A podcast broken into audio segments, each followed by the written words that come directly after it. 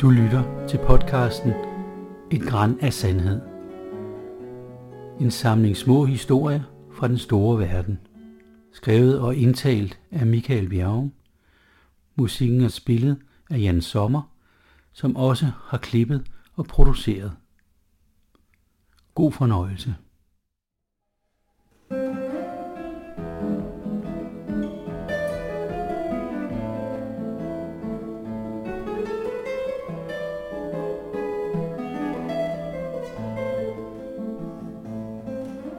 Niels Henning og Allan i Greenwich Village.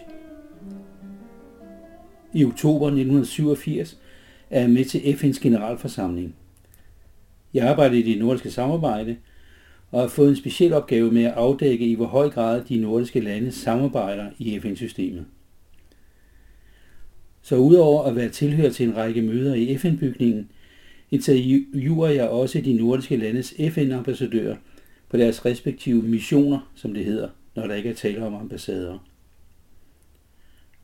Jeg bor på et lille hotel i 42nd Street, som ligger meget belejligt, fordi der kun er cirka 10 minutters gang til FN-bygningen. Hotellet er, som de fleste hoteller i New York, ikke noget at skrive hjem om. Det er meget små værelser, hvor man lige akkurat kan komme rundt om sin seng, og der er ikke nogen serviceydelser. Men det betyder ikke så meget i en by som New York, hvor man på snart sagt hvert eneste gadehjørne kan gå ind i en deli og købe lige præcis den mad, man har brug for. Og fordi jeg havde voldsomt jetlag, da jeg ankom, havde jeg lyst til kartofler og kød kl. 3 om morgenen, da mine øjne de besluttede, at nu var det aften. Der går der under to døgn, inden kroppen den kører igen helt normalt. Den danske FN-ambassadør er så venlig at vise mig rundt i FN-bygningen, hvor det absolut mest imponerende, det er salen, der oprindeligt skulle huse formynderskabsrådet. Den er designet af den danske stjernearkitekt Finn Jul, og at den er helt utrolig smuk. Funktionen for salen er meget anderledes i dag i forhold til den oprindelige intention. I 1945, da FN blev dannet, der lever næsten en tredjedel af verdens befolkning på den ene eller anden måde i kolonier. Og formynderskabsrådet skulle som FN-organ hjælpe kolonierne med at opnå selvstændighed. Det var en smuk og visionær tanke, som langt hen ad vejen blev opfyldt, så i 1994 kunne formynderskabsrådet nedlægge sig selv, efter at 80 kolonier havde opnået selvstændighed. En dag tager jeg metroen ned til Fulton Street og tager elevatoren op i en af World Trade Centers to ikoniske tvillingetårne. Der er naturligvis en fuldstændig fantastisk udsigt, men man kan mærke, at det blæser en hel del heroppe i 400 meters højde. Da jeg er nede igen, slår jeg et slag forbi kapitalismens højborg, Wall Street, hvor der i en sidegade ligger en irsk pop. Jeg går ind og får en pint, mens jeg ser på de mange plakater, som alle sammen har politiske budskaber. Blandt andet Release Joe Doherty, som er en IRA-aktivist, som efter flugt fra fængslet i Storbritannien kommer til New York, hvor han bliver fanget, og så kæmper han en ni års kamp mod domstolene for at undgå udlevering. Forgæves viser det sig så senere. Der er forbavsende mange IRA-tilhængere i New York, og denne pop er ikke det eneste sted, hvor man kan finde spor af irsk nationalisme her i storbyen. Jeg hænger ud med de ansatte på den danske FN-mission og nogle danske politikere og organisationsfolk, som er kommet til byen for at deltage i generalforsamlingen. Vi går ud og får en drink efter arbejdsdagen, og nogle gange er vi på restaurant sammen om aftenen. Men der er også tid til, strejfer lidt rundt i The Big Apple på egen hånd. På en af disse vandreture befinder jeg mig i Greenwich Village, som ligger en 2-3 km syd for mit hotel.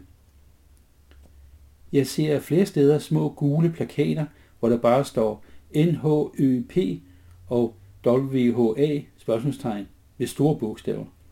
Jeg tænker, kan det nu være den verdensberømte danske jazzbassist Niels Henning Ørsted Pedersen?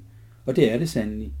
Og bogstaverne WHA, det står for det spillested, hvor bassisten sammen med den danske trompetist Allan Bochinski skal spille en fredag aften et par dage senere. Jeg får informeret den lille flok danskere, og fire af dem er med på at lave en udflugt til Greenwich Village for at høre noget dansk jazzmusik.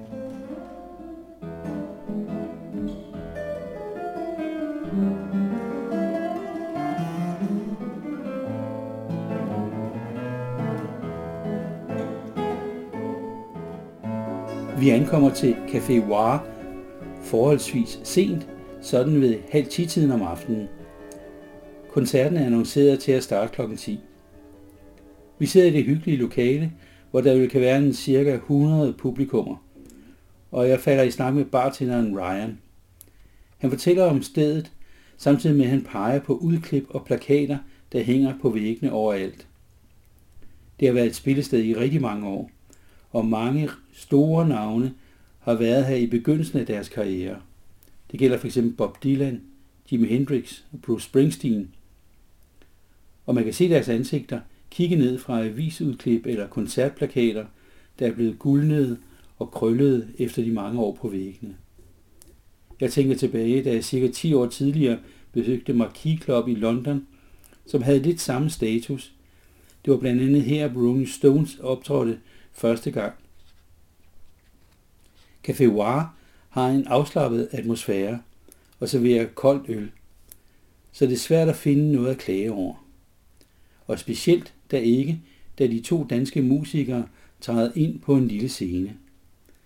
De præsenterer sig og fortæller, at arrangementet i aften er for at lancere en ny plade, de har lavet sammen, som hedder Dualogue. Man kan synes, at en besætning bestående af en kontrabas og en trompet lyder lidt mærkeligt, men af en eller anden grund fungerer det fantastisk denne aften i Greenwich Village. Sandsynligvis fordi både Niels Henning og Allan er blændende virtuoser på hver deres instrument, men samspillet mellem dem er også fænomenalt. Efter en lille times tid er der pause, hvor deres manager, en køn, lyshåret kvinde, lægger en stak plader frem, som man kan købe. Coveret er et maleri, hvor de to ansigter indgår som en integreret del. Jeg spørger, om vi ikke kan få autografer på pladerne, og kvinden siger, at vi jo bare kan vente til koncerten er slut. I andet sæt spiller de blandt andet en fascinerende udgave af børnesangen Tre små soldater, hvor temaet bliver ved med at komme igen, og først den ene, så den anden improviserer over den kendte melodistump. De slutter sættet med at spille en række kendte jazzmelodier, hvor et highlight det er en udgave af Take the A-Train, som er meget passende, når vi nu er i New York, og A-toget faktisk kører næsten lige ned under spillestedet, ned i metroens undergrund. Den lille danskergruppe er meget begejstret og nyder musikken, samværet, de kolde øl.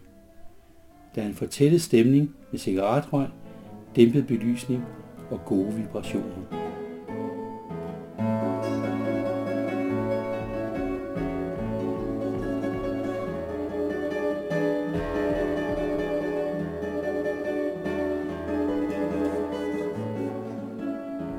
Klokken har rundet midnat, da Niels Henning og Allan sætter sig ved vores bord, sammen med den kvindelige manager, som præsenterer sig som Marion. De fleste andre gæster har forladt caféen, men danskerne bliver siddende.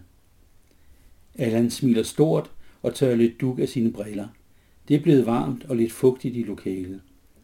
Nils Henning virker også glad for deres koncert og fortæller historier om hans samspil med jazzens helt store navne og hans mange år med Oscar Peterson. Jeg sidder tilfældigvis ved siden af Marion, som jeg begynder at snakke med.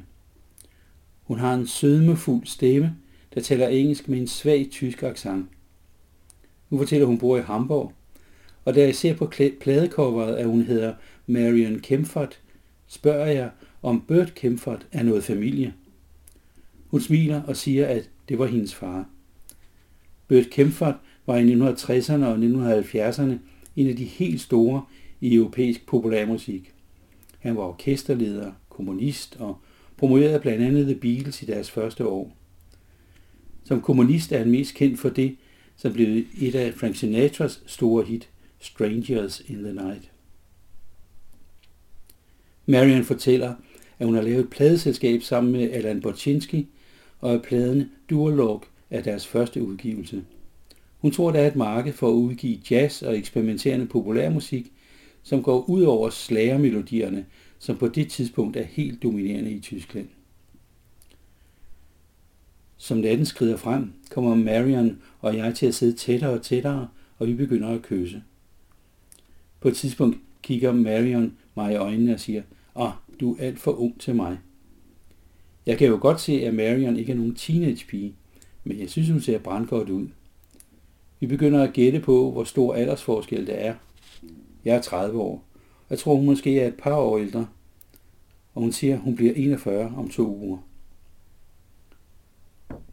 Klokken er hen ved 3 om morgenen, da der er lidt opbrudsstemning. Jeg køber en plade og får både Nils Henning og Allan til at skrive på omslaget. Jeg rækker den til Marion, som skriver en besked i det ene hjørne. Da vi forlader Café Noir, står Marion og jeg tæt sammen på fortoget, og hun kysser mig inderligt og siger, det skal ikke være i nat, vi sover sammen. Hun finder sammen med Allan og Nils Henning og tager en taxa og forsvinder i natten. Sammen med et par af de andre danskere finder vi også en taxa og bliver kørt til hotellet på 42nd Street. Da jeg kommer op på mit lille hotelværelse, finder jeg pladen frem og ser, at Marion har skrevet øh, en besked.